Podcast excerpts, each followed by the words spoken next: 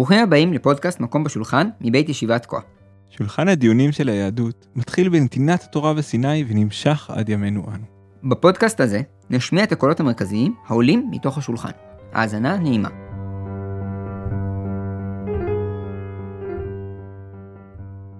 שלום איתן. שלום עמיחי. בפעם הקודמת אנחנו דיברנו על uh, התפתחות של גזירת בת עכו"ם וראינו את הגמרא שהתחלנו בלראות את המשנה שהצהירה שיש כזאת דבר של פת עכו"ם ראינו שבגמרא זה מתחיל להתערער וראינו את התוספות ששם זה היה נראה שזה שפשוט אין אין כזה דבר זאת אומרת הגזירה בעצם התפרקה. דנו קצת ברעיון הזה שגזירה יכול מה זה אומר שגזירה מתפרקת או גזירה יכולה להתפרק. ואנחנו הבטחנו שפעם הבאה אנחנו נדבר על הדברים הפרקטיים. אז הנה עכשיו זה הפעם הבאה. פת עכו"ם. אפשר לאכול או אי אפשר לאכול. אז זה בעצם שאלה מעניינת ש, ש, שעולה לנו כשאנחנו כאילו מדברים על זה. כי פעם שעברה דיברנו על זה מ, מהצד התיאורטי יותר של איך הדבר הזה עובד. אבל עכשיו אם נרצה לצלול פנימה לתוך אה, פרטי ההלכות אז בעצם שם טמון הרבה פעמים נראה לי הבשר האמיתי. כי שם אנחנו נראה לא רק את ה... אה, אנחנו נראה איך התיאוריה מתבטאת בתוך הפרקטיקה וזה כל פעם באמת זה ייראה אחרת ואצל כל אחד מה, מהאנשים זה ייראה אחרת. אה, והפעם גם יש לנו בעצם את השאלה המאוד טעונה של מה היחס בין הטעם של הגזרה לבין איך בפועל זה מתבטא בתוך ההלכות. כי לא תמיד הם הולכים, ב... הם משתלבים ביחד, הטעם והגזרה. מה זאת אומרת? יש לי, אה, גזרו גזרה בשביל טעם, בשביל סיבה מסוימת. מה זאת אומרת הם לא משתלבים ביחד? בהלכה אנחנו מכירים הרבה פעמים שיש איזשהו נתק שקורה בין הטעם של הגזרה לבין הגזרה עצמה. זה, זה מטריד גם הרבה פעמים. אמ, אבל זה קורה המון שיש את הנתק הזה, כלומר שיש איזשהו גזרה שהיה לה איזשהו טעם ראשוני ועכשיו הגזרה כבר קיימת, לא הייתי אומר בקיום עצמאי ללא שום קשר לטעם, אבל כבר יש לה אופי משלה, כבר יש לה תבנית משלה, ולא כל דבר יהיה דווקא בהכרח קשור לטעם הראשוני של הגזרה. אתה יכול לתת דוגמה נגיד? מה, מה זה אומר? אני אביא לך דוגמה מהלכות ציצית ו- ושבת. יש לנו הלכה כזאת, אה, שבגמרא כתוב, שמי שנקרא לו אה, הציצית, כשהוא הולך בכרמלית, כלומר אזור שהוא אסור לטלטל בו מדרבנן, אז הוא לא חייב להוריד את הציצית, כלומר הוא לא חייב להוריד את החולצה שלו בעצם, אה, כי פעם הציצית והחולצה זה בעצם היה גוף אחד, זה היה כאילו הבגד שלך, כלומר אתה לא צריך להוריד את הבגד, אלא אתה יכול להמשיך ללכת עם זה, למרות שבעצם כאילו אסור לך עכשיו ללכת עם זה, כי אנחנו משום כבוד הבריות. באופן בסיסי, יש לי בגד שיש לו ארבע כנפות, צריך שיהיה עליו ציצית, אוקיי? לגמרי. אם אין עליו ציצית, זה בעייתי ללבוש אותו, אוקיי? עכשיו אם נק... אומרת הגמרא שאם נקרא לך אחד מהציציות ואתה, ואתה באמצע השוק כאילו ומאחר וזה כאילו הבגד שיש לך אז אתה לא חייב לפשוט את זה. אתה יכול אה, להמשיך ללכת, אתה יכול להמשיך ללכת משום כבוד הבריות. אוקיי. אה, שזה דוגמה שהגמרא מביאה של דבר משום כבוד הבריות שאנחנו התרנו אותו. אה, כלומר אנחנו לא רצינו שבן אדם יתבזה כאילו אה, אז התרנו אפילו לפעמים איסורים של תורה גם בשעת גם, גם אפילו בכלאיים כאילו ממש אנחנו אומרים את זה ש, שבן אדם יכול לעשות את זה. אה, עכשיו יש איזושהי מורכבות מה קורה דנו באיזשהו מקרה הראשונים שבן, שבן אדם נגיד הולך עם דבר כזה בשבת עכשיו בתקופת הראשונים זה כבר לא היה הציצית כבר לא היה הבגד שלך הציצית זה הסוג של זה כמו שאנחנו מתייחסים היום לציצית זה סוג של כזה בגד נוסף. אוקיי. ואז... אתה יכול להוריד את זה, לא תישאר ערום, הכל בסדר. כן, כלומר, הטעם שהתירו משום כבוד הבריות הוא כבר לא רלוונטי, okay. אוקיי. אבל נקרא לך עכשיו הציצית מה, מהבגד הזה, מה, מהטלית שלך, מהציצית שלך, כאילו, נקרא לך ציצית מהציצית, ואתה, אין בעיה למעשה שתפשוט את הציצית, פשוט אתה נמצא בכרמלית, שזה אזור שאסור מדרבנן ללכת עם, עם, עם הבגד הזה. אז זה אומר שבשביל, ואז אומרים, לא אכפת לנו, למרות שבעצם אתה מרגיש, לא אכפת לנו ועדיין מותר לך אמ, להמשיך ללכת עם הבגד הזה שעכשיו אין לו ציצית על הכנף הרביעית שלו. אוקיי, למה? כי אנחנו מחזיקים בפורמליסטיקה, אנחנו מחזיקים בתבנית הראשונית של ההיתר הזה. הבנתי. ולמרות ש... שההיתר הזה הוא כאילו לא רלוונטי עכשיו, כי כל סיבת ההיתר הייתה בזמן שבו זה היה כבוד הבריות, כמובן שכדי שאתה לא יהיה לך פדיחה פה, אבל פה לא יהיה שום פדיחה אם אתה תוריד את הציצית, אבל, אבל אנחנו אמרנו אנחנו הולכים ראש בקיר, לא אכפת לנו שהטעם הראשוני כבר לא חשוב, יש לנו פה תבנית מסוימת של היתר. וכמו שיש לנו גם תבנית של היתר, יכול להיות לנו גם תבנית של איסור, כמו אצלנו. מה התבנית של האיסור? התבנית של האיסור נקראת פת עקום. מה קורה אם, אם אין פה בכלל גויים בסביבה, אכפת לנו? לא אכפת לנו, מה קורה? כל מיני סיטואציות שבהן אני לא צריך לחשוש לבעיה של כאילו לטעם שיש לי סביב פת עקום, אני עדיין אומר לא אכפת לי, אני מחזיק בתבנית. באמת זה דבר משונה, אני באמת לא, אני מנסה לחשוב על, על דוגמה בחיים שלי שאני אומר, הסיבה המקורית כבר בטלה, ואני עושה משהו רק בגלל התבנית. זה סוג הדברים שמרגיזים אותי, זה, זה חזרת השץ, זה מה שזה. זה כאילו, לאף אחד אין כוח, אף אחד לא חושב שזאת בעצם התפילה המרכזית, חוץ מאולי בבתי כנסיות מסוימים, אז כאילו בחגים זה הופך להיות איזה אירוע. אבל סתם ככה, חזרת השץ זה מין סרח עודף של התפילה מפעם, וזה הדבר הראשון שאתה רוצה לבטל, אם רק אפשר. זה כאילו הדבר שאנחנו לא סובלים. אה, כן, אבל זה, ולמה אתה חושב שזה חשוב אבל פורמליסטיקה? בתוך, כלומר פורמליסטיקה אני מתכוון, זה, זה, זה איך שאני קורא למשהו שהוא, אנחנו עושים אותו כאילו באופן, אנחנו מחזיקים באיזושהי תבנית קודמת שהייתה להלכה הזאת, למרות שבאופן, למרות שכאילו כבר התנקז ממנה הטעם שלה, וכבר היא, היא בעצם חסרת טעם כבר, היא קיימת, ב, ב, יש לה איזשהו קיום עצמאי בתור, בתור חוק, למרות שהרעיון שעומד מאחוריה כבר בטל. זה אני קורא פורמליסטיקה. למה אנחנו מחזיקים בפורמליסטיקה? אז אני חושב שיש בזה יש בזה אולי צד אחר צד של שמרנות אמיתית זאת אומרת היכולת אני לא רוצה שתיווצר יהדות זה כמו שבפעם שעברה אמרנו שאני לא רוצה בית דין השריה. אני לא רוצה שתיווצר יהדות שהיא יהדות שהיא יותר מדי נזילה. זה פוגע ביסודות של היכולת שלי לקיים מסורת. ולכן זה נורא נורא חשוב המבנים של הפורמליסטיקה אני חושב שהם עוזרים לנו לשמור על, על, על, ה, על המבנה של היהדות. אה, שהמבנה הוא חלק מהדבר זאת אומרת בסוף בסוף בסוף כל היהדות זאת אומרת כל, ה, כל ההלכה זה בנוי על היכולת שלנו לבנות מערכת קשרים ממוסדת עם הקדוש ברוך הוא ואם אני ברגע שאשתי מעצבנת אותי אני טורק את הדלת ויוצא מהבית זה זה זה משהו שיפרק את, ה, את הזוגיות שלנו. ובמובן הזה אני שומר על פורמליסטיקה זאת אומרת אני מנומס גם כשאני גם כשהיא מעצבנת אותי. כן זה שומר על המערכת היחסים שלנו. עמיחי אתה נותן פה תירוצים של כאילו רבנים ב, בישיבות תיכוניות כאילו זה לא זה לא מספק. אני, אני... אני מצטער שהדברים שאני חושב הם בעיניך הם אה, הצעות של רבנים בישיבות תיכוניות אבל אדרבה מה אתה חושב? שנראה לי שיש לזה קיום כבר אמיתי בעולם. כלומר זה קצת כמו שדיברנו על זה בפעם הקודמת לגבי הנתפשט המנהג. כיוון שמנהג התפשט אז הוא באיזשהו הוא, הוא, הוא נקבע. עכשיו זה הדבר כבר יש לו קיום עצמאי אמיתי. כלומר לפני כן הצגתי את זה בתור דבר מגוחך שכאילו דבר התנקז ממנו הטעם הרעיון שלו והוא עדיין קיים כאילו בתור איזה מין מין דבר מוזר כזה, חוק שקיים ללא טעם, אבל זה כבר נהיה חלק מאיתנו. כמו הכותל. כמו התוספתן, כמו, אתה מבין, זה, זה, זה חלק מהבן אדם כבר.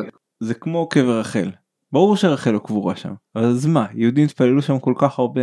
זה כבר הפך להיות מקום קדוש בגלל שהיהודים מתפללים שם. כן, אני, זה נראה לי דוגמה יותר טובה, כן, התוספתן זה באמת דבר אולי לא יעיל, אבל, אבל קבר רחל זה נראה לי באמת אולי דוגמה טובה לזה, כלומר סוג של דבר שהוא העובדה שכאילו הוא נהיה קשור אלינו זה כבר פחות קריטי לנו מה היה הסיבה הראשונית שזה היה קיים, כן?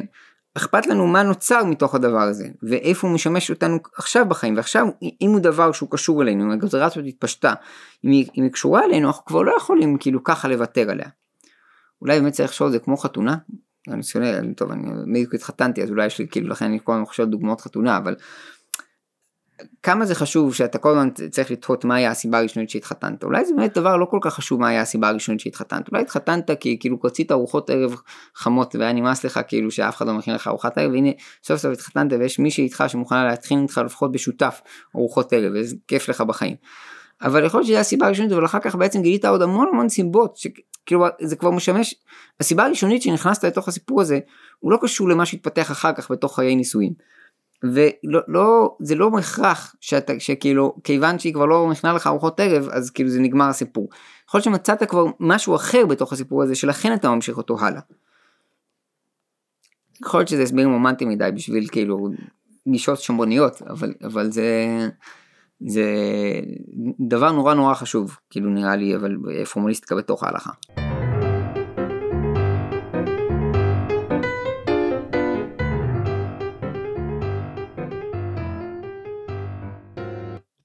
ואנחנו נחזור מהדיון התיאורטי אנחנו נחזור בחזרה לשאלות שלנו.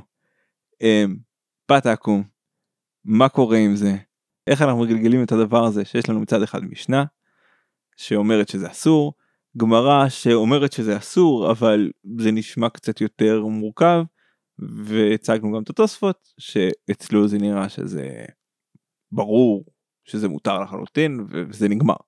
אז רגע אבל מה הטעם מה הטעם הראשוני אנחנו קודם רק דיברנו על הטעם שיש בפת מה, מה הטעם בפת. אני חושב שהטעם הראשוני בצורה שבה אנחנו רואים את זה במשנה שזה אסור בגלל אה, שזה חלק מאיסורי חתנות. מה שאומר אה, חלק מהרחקות בסיסיות שאנחנו רוצים כדי לייצר את היהודים כעם נבדל. אנחנו לא רוצים שאנשים יהיו חברים יותר מדי טובים של גויים. אה, הצורה שבה אנחנו קוראים לזה זאת אומרת שהבת שלך לא תתחתן איתם אבל זה בעצם אני חושב שזה היצירת הנבדלות הבסיסית שאנחנו רוצים לייצר איזושהי נבדלות בין יהודים לגויים. חלק מזה זה הרחקות מסוימות. ואחת ההרחקות היא זה שאני לא אוכל את הלחם שלהם. כן בעבודה כשהוא מביא את הלחם אני לא יושב לאכול איתו. אוקיי אז אתה אומר שזה כאילו איסור חברתי למעשה כלומר זה איסור שהוא נועד ליצור איזה חיץ בין יהודים לבין גויים והוא כאילו זה כל עניינו זה המטרה זה הפואנטה זה זה כאילו אין פה עוד איזה אין פה רעיונות רוחניים כאילו זה, בתוך סיפור הזה. זה הכי וולגרי שיש. זאת אומרת אם היום אנחנו מנסים לאחד את העולם כן ולהגיד שזה לא כזה משנה אם אתה יהודי וערבי ואתם אוהבים אז ההלכה הזאת היא מנסה לייצר מחיצות מנסה להגיד אתה יהודי ואנחנו רוצים שלא תתקרב יותר מדי לגוי שלא יהיו חברים טובים מדי. יכולים להיות חברים אבל בוא בוא נשאיר את זה. אתה אתה אוכל בשרי הוא אוכל חלבי אנחנו רוצים לייצר איזה שהם הרחקה. איזושהי הרחקה. אני לא מסכים איתך שזה אומר שאנחנו לא רוצים שתהיה חבר של הגוי. אני חושב שזה בעיקר נשמע לי שזה אומר אני רוצה שתשים לב ש, שאתה יהודי והוא גוי זה לא דווקא אומר שלא תהיה חבר שלו רק תשים לב. אני מסכים יהיה לך משהו שכל הזמן יזכיר לך אתה יכול להיות חבר מאוד טוב שלו אבל לך משהו שכל הזמן יזכיר לך שכשאתה מגיע אתה צריך להביא את האוכל שלך בסנדוויצ'ים מהבית. זה תמיד יעמוד שם ביניכם הרעיון הזה שתמיד אתה מגיע עם הסנדוויצ'ים מהבית. אתה חושב אז שכל סיטואציה שבו אין בעיה חברתית כזאת כאילו כלומר אתה לא עלול בדיוק להתחתן עם הבת של הגוי הזה. אה, במקרה פשוט אתה נשוי, לא יודע, אין לך זה, כבר לא רלוונטי כל כך, כאילו, לא, הוא סתם כאילו, לא יודע מה. הגוי הוא פשוט בן 70 ואין לו ילדים. אין לו משפחה, הוא פשוט עובד, לא יודע מה, כאילו, כלומר, סיטואציה כאילו ש, שהיא לא, שאין פה כאילו את הבעיה החברתית הזאת, זה, זה עדיין יטריד אותך כאילו? פתקום? כלומר על פניו הייתי הייתי אומר שזה סבבה נכון? אני חושב שזה באמת תלוי בשאלה שדיברנו עליה קודם זאת אומרת כמה אני פורמלי וכמה אני מהותני בצורה שבה אני אה, בונה את האיסור מלכתחילה. כלומר אם אני פורמלי אז אני אומר אני הולך ראש בקיר לא אכפת לי מה, מה הסיטואציה הספציפית אני אומר יש פה תבנית מסוימת של איך זה עובד כלומר אסור כל פת שגוי מכין אותו כל פת של, שהוא שייך לגוי אז אני אומר זהו זה נגמר הסיפור זה אסור אם אני מהותני אז אולי אני יכול לבוא ולהגיד אה, במקרים להתיר במקרים מסוימים כי אני, אני אבוא ויגיד אה, מראש אנחנו אסרנו את זה משום חתנות ולכן במקרים מסוימים אולי אה, אין פה אין פה חתנות ולכן זה בסדר. בסופו של דבר ברור שכולם יהיו איזושהי תערובת. גם אני חושב מישהו יהיה סופר מהותני בסוף זאת הלכה והיא עובדת בצורות פורמליסטיות ויכול להיות שגם להפך גם מי שיבוא פורמלי הוא יבין שבמקרים שיש לו תהיה לו נטייה להקל או כל מיני דברים כאלה. בכל אופן לצורך העניין אז אני רוצה להציג את השולחן ערוך. אה, עכשיו השולחן ערוך באמת פותח באמירה כזאת אה, בסיסית אה, אסרו חכמים לאכול פת של עובדי כוכבים בגלל חתנות. כן הכי הכי פשוט. זה כאילו האיסור ואז הוא מתחיל לחורר אותו. אז זה מתחיל בזה שאסרו רק פת של חמישה ימים לדגן אבל נגיד לחם אורז זה סבבה כי זה לא חלק מהדבר שאסרנו למרות שעוד פעם מהותנית אולי הייתי אוסר אותו אבל למרות שאני הצהרתי מראש שיש סיבה לא- לאיסור הזה אבל פתאום אני, אני קצת פורמליסט. הוא ממשיך ואומר שנגיד אם אני קונה מסוחר זאת אומרת ממישהו שהוא אופה לחם אה, בצור, באופן מקצועי אז זה אפשר לעכל את זה. ב- זאת אומרת אם אין שם אה, מאפייה של יהודי אז אני יכול לקנות ממאפייה של גוי. אבל לאכול אצל לאכול לחם שמישהו הכין בבית באופן פרטי זה ברור שאי אפשר להקל בזה. כי, כי יש לי סיבה עיקר הסיבה זה לא זה זה משום זה בגלל החתנות. כן ואם אני אוכל פת של אה, של, של, של מישהו שהכין בבית אני אבוא לאכול אצלו. יותר מזה הוא בא ואומר לי אם קונדיטור אה, מקצועי מזמין אותך לאכול אה, בבית שלו בסיטואציה הזאת הוא מתפקד בתור בתור בן אדם פרטי ולא בתור סוחר מהשוק. כן מערכת היחסים ביניכם היא לא היא מערכת יחסים אישית ולכן ברור שזה ממש אסור. אחר כך הוא, הוא, הוא מחורר את זה עוד קצת. הוא בא ואומר תראה אם יש שם מאפייה של יהודי ומאפייה של גוי אבל הנעבך הגוי הוא מכין אה, לחמים כאילו הרבה יותר טובים. הוא מכין לחמים שווים שיעור וכאלה. היהודי מכין אה, לחם לבן יבש ומגעיל. אתה יכול להתייחס לזה כאילו בעצם אין שם. כאילו אין, אין לך יהודי בעצם לקנות ממנו לחם ברמה הזאת. ולכן אתה יכול לקנות מהגוי. זה נורא מבלבל הוא כאילו לפני כן הוא, הוא, הוא ניסה לתאר שבעצם אנחנו נורא לחוצים בסיטואציה חברתית נכון כאילו כל דבר ש, שזה סיטואציה חברתית של, של בעל הבית נכון אז אנחנו אז זה, זה בעייתי ופתאום כאן הוא אומר שכאילו ברגע שהגוי עושה לי יותר טעים אז אני נלך לגוי. עוד פעם אנחנו עדיין מדברים בתוך מסגרת עסקית אנחנו עדיין לא קונים ממישהו באופן פרטי זה רק מ- מערכת. יחסים עסקית עסקית כן אני רק קונה ממישהו שהוא בעצם מוכר אה, מקצועי ולכן אין פה מערכת יחסים אישית ובראש השולחן ערוך הוא יחסית מהותני יש לו נטייה מהותנית ולכן הוא לא כל כך מוטרד מזה. ואז השולחן ערוך בא ואומר משהו שהוא בכיוון קצת אחר. הוא בא ואומר שפת של בעל הבית אסורה לעולם. מה זה אומר אסורה לעולם? אז הוא מסביר. גם אם נגיד מישהו הכין את הלחם לעצמו, הגיע סוחר, קנה את זה ממנו ועכשיו הוא רוצה למכור לך את זה. כן, עכשיו כשאתה קונה את זה מהסוחר, זה מבחינתכם מערכת יחסים סופר מקצועית. עכשיו, כאילו אתה גם לא יודע נכון מאיפה המוכר קיבל את הלחם הזה. אתה מבחינתך זה- הוא כאילו הוא עפה את זה עכשיו. כן, זה לא מעניין אותי. אה, הוא אומר, נגיד וולט, כן, וולט, הוא שלח לך את 10 ביס, שלח לך את זה הביתה.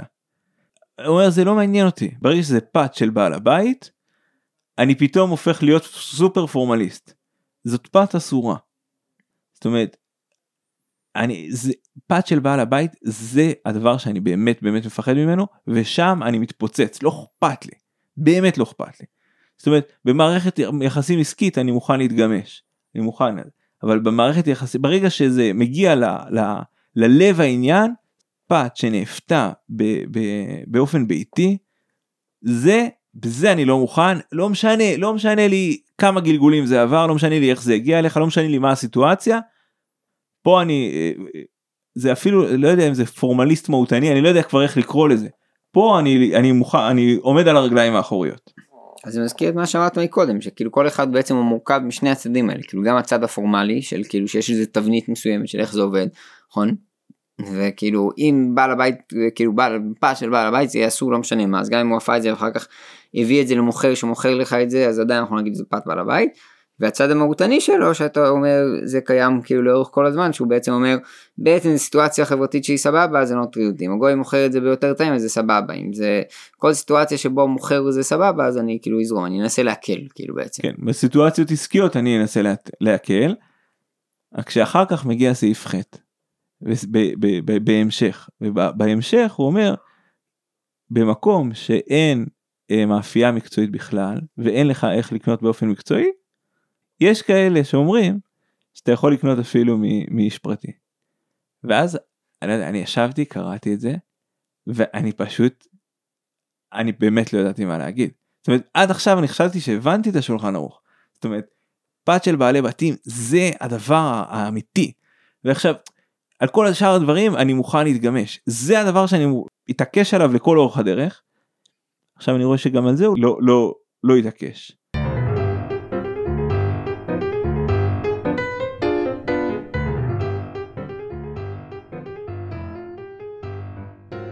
קיצור אני חושב שבאמת יש פה משהו מאוד מאוד מאוד ייחודי בפתקום שמצד אחד אני בא ואומר יש פה איסור ו- ואני כן מתייחס אליו בתור איסור ואני אומר את המילים גזרו חכמים אסור על זה אני אתעקש אבל בסוף בסוף בסוף בסוף בסוף אם אין לי משהו אחר אני אומר לך זה, זה, זה בסדר.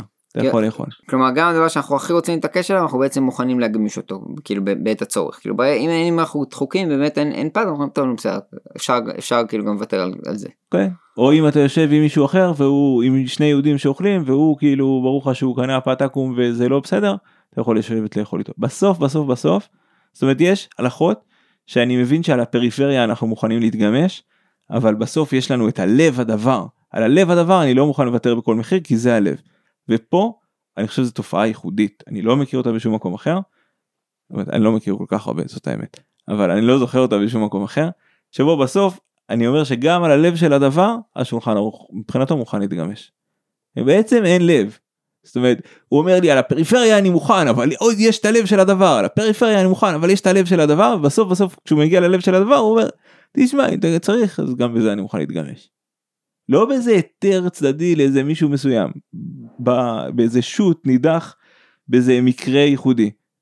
על דפי השולחן ערוך הוא אומר לך אם אין לך משהו אחר אז גם פת של בעל הבית זה בסדר. כן. זה גורם לך לחשוב על מה המשקל של, של כל האיסור הזה אם בעצם ברגע עומדים על הרגליים האחריות אז מתקפלים. לגמרי.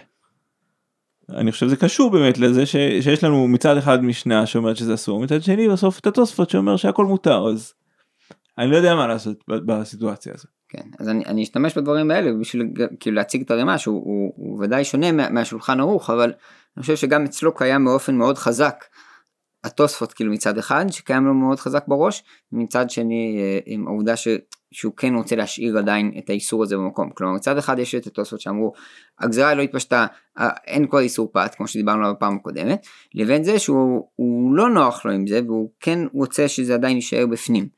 אבל האופן שבו הוא עושה את זה הוא בעצם אומר כבר לא אכפת לי מהטעם הראשוני של, של זה.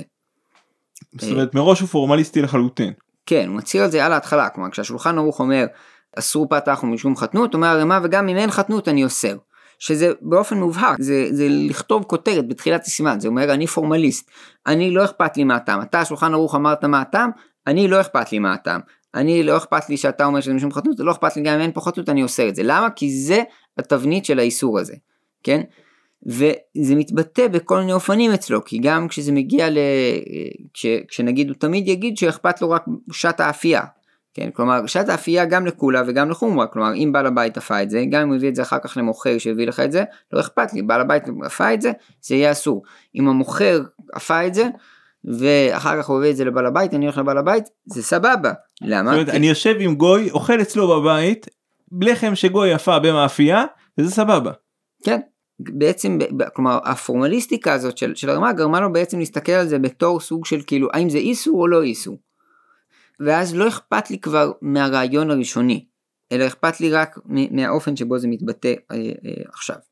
הוא גם בסוף יתיר או שבסוף יש לו איזה שדרה של איסור שנשארת? אם, אם אתה תיארת לפני כן שולחן ערוך שהוא כאילו בסוף בליל הדברים מוכן להתקפל אז אני לא חושב שאצל ברור שאצל הרימה זה גם כן הוא מוכן להתקפל אבל אבל הוא כן חשוב לו שזה עדיין יישאר בתור בתור דבר אמיתי אה, גזירת פת שזה דבר שהוא קיים והוא לא רק רצה לקבור אותו אבל מכל מיני צדדים גם הפכו את זה להיות סוג של דבר כזה של, של, של צדיקים כזה של כאילו רק אה, בעשרת ימי תשובה אז אתה מחמיר בפת עכו"ם כלומר גם מי שלא מקפיד על זה אז בעשרת ימי תשובה הוא יקפיד על זה. כלומר זה, זה סוג של דבר שהוא הוא, הוא נכנס פנימה באיזשהו אופן אחר. כלומר קצת יצא ממנו העוקץ הראשוני שלו של כאילו מין גזירה מפחידה.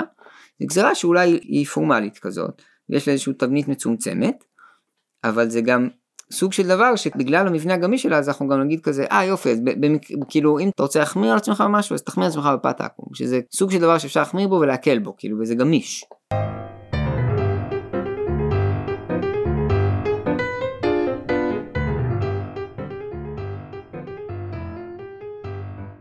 נסכם? כן, רק אגיד בקצרה שיש פה עוד לפחות היתר אחד שלא דיברנו עליו שזה הרעיון שאני יכול לדחוף קיסם לאש ואז הוא יהפוך להיות פתאום לפת ישראל או לנענע קצת את, התבניות וזה גם יהפוך לפת ישראל. אה, זה משהו נפרד, הוא מוסכם על כולם ואנחנו אה, לא, לא נגענו בו. אה, בכל אופן אז אנחנו נגענו קצת בשאלת היחס בין הגזרה לבין הטעם שלה. בהתאמה בין uh, קצת בין פורמליסטיקה לבין uh, מהותניות. בתוך, בתוך גזירת פת עקום אנחנו ראינו באמת את, ה, את הפער בין לבוא ולהגיד שיש פה גזירה והיא נורא רצינית לבין להגיד שבסוף בסוף אין פה שום דבר שאני אתעקש עליו זאת אומרת גם את הדבר שאני אאסור במקרה שאין לי משהו אחר אז אני אגיד שהוא סבבה. ראינו שגם השולחן ערוך שהוא מהותני אנחנו רואים בו אה, נטייה לפורמליזם, כי אני חושב שפורמליסטיקה היא נורא חשובה בתוך המסגרת של ההלכה, וראינו את הנטייה הכללית, לפחות בסימן הזה, של השולחן ערוך למהותניות ושל הרימה לפורמליסטיקה. תודה, ניפגש בפרק הבא.